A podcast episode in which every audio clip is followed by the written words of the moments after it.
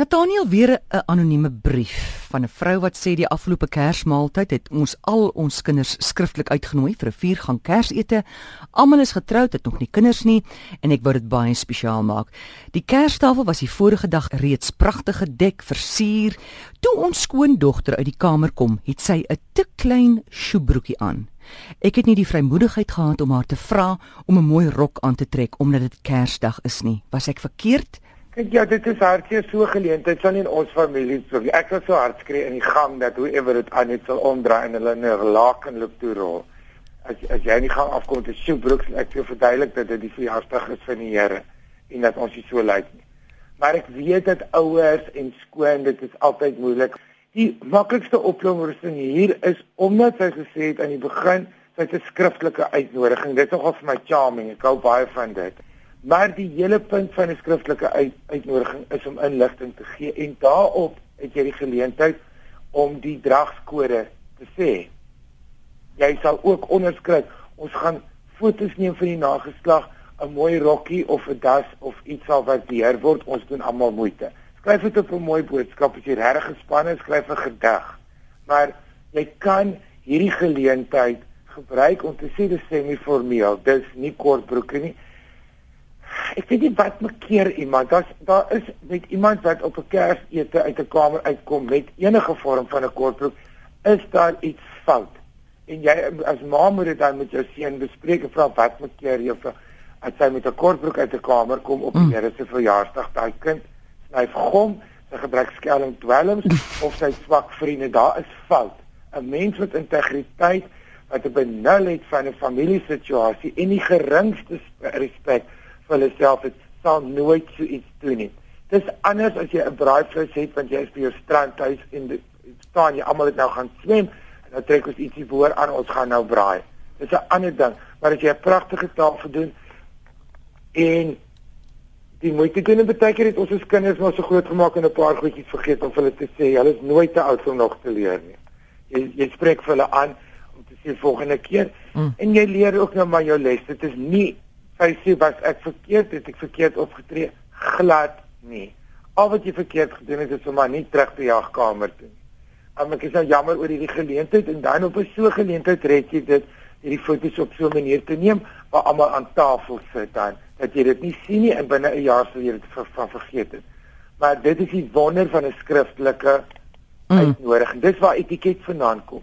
Etiket is die Franse woord dit is twee woorde wat uh, baie lang en detailed in die Franse dae ou dae Dodewyk was is eintlik kyk jy was dit tot 40 50 bladsye lank as jy Versailles toegenooi is net om die reëls saam met jou inligting vir jou te gee sodat jy nie uitstaan tussen al hierdie mense met hulle hoë pryke nie. Dit is die wonder van 'n skriftelike uitnodiging. Jy kan regtig jou hart op 'n mooi manier uitpraat en alles wat jy verwag daarop sit. 'n brief van Ria Ons is genooi na 'n troue van familie. Troue is in die Kaap, maar meeste van die gaste bly in Gauteng. Almal wat troue toe gaan, moet hulle eie verblyf en vervoerkostes dek. Wat gee mense dan vir 'n trougeskenk? Of moet jy een gee? Ek meen die kostes is al klaar so hoog. Ons sal die troue wil bywoon, maar hoe lyk dit as jy nou sonder 'n geskenk daar aankom? Dit hang af van mens tot mens. Vir my, my opinie is die lewe is te kort en sê jy dit wonderlik maak en jy die tyd het dit word nie verwag nie. Die, die ongeskrewe reël is dat wanneer jy iemand regtig by 'n plek lê, dek jy al hulle koste. Dit bly eienaardig om sonder 'n geskenk. Ek sal met 'n 'n 'n 'n token, daar is as jy bietjie moeite doen, kan jy gorgeous 'n baie mooi opdienbord vir 2 300 rand nog kry. Dit beautiful te maak. Dit gaan geen verskil aan jou budget maak nie. Mm.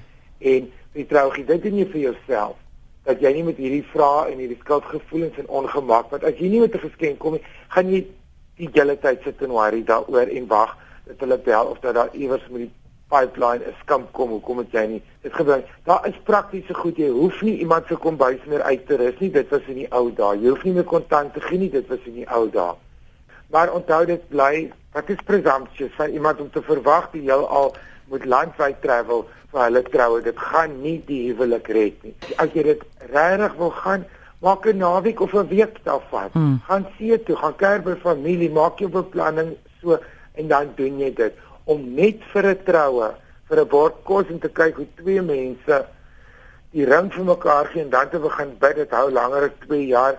Dit is nie die moeite werd wat tyd betref of mm. finansies nie. Maak dit vir jouself die moeite werd. Sy vra ook hierso sien ek Sy wil weet wat trek mans aan na na 'n laatmiddag 4 uur troue dis in die Kaap is dit nou middag of aand daai?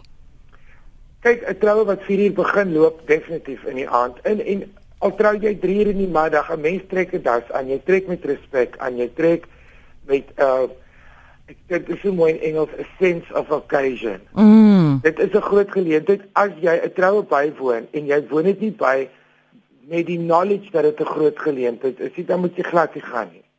Dit dit is 'n groot geleentheid vir iemand en ons het so min ons lewe sulke vervelige stresvolle doodgewone. Daar's mense wat regtig net Crocs en kortbroeke en lelike hemde besit. Hulle het nooit die kans om beter te voel oor hulle self en mooi aan te trek. Dit is die kans om te doen.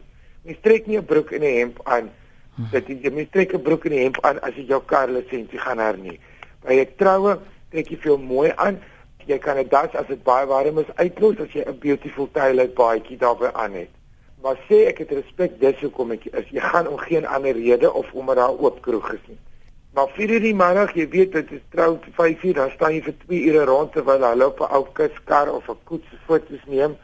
En dan begin die ete en dan rafel almal uit en dan is jy so jy trek jy trek net maar ongelukkig vir jou formeel aan by troue teen sy dit nou maar 'n los spul is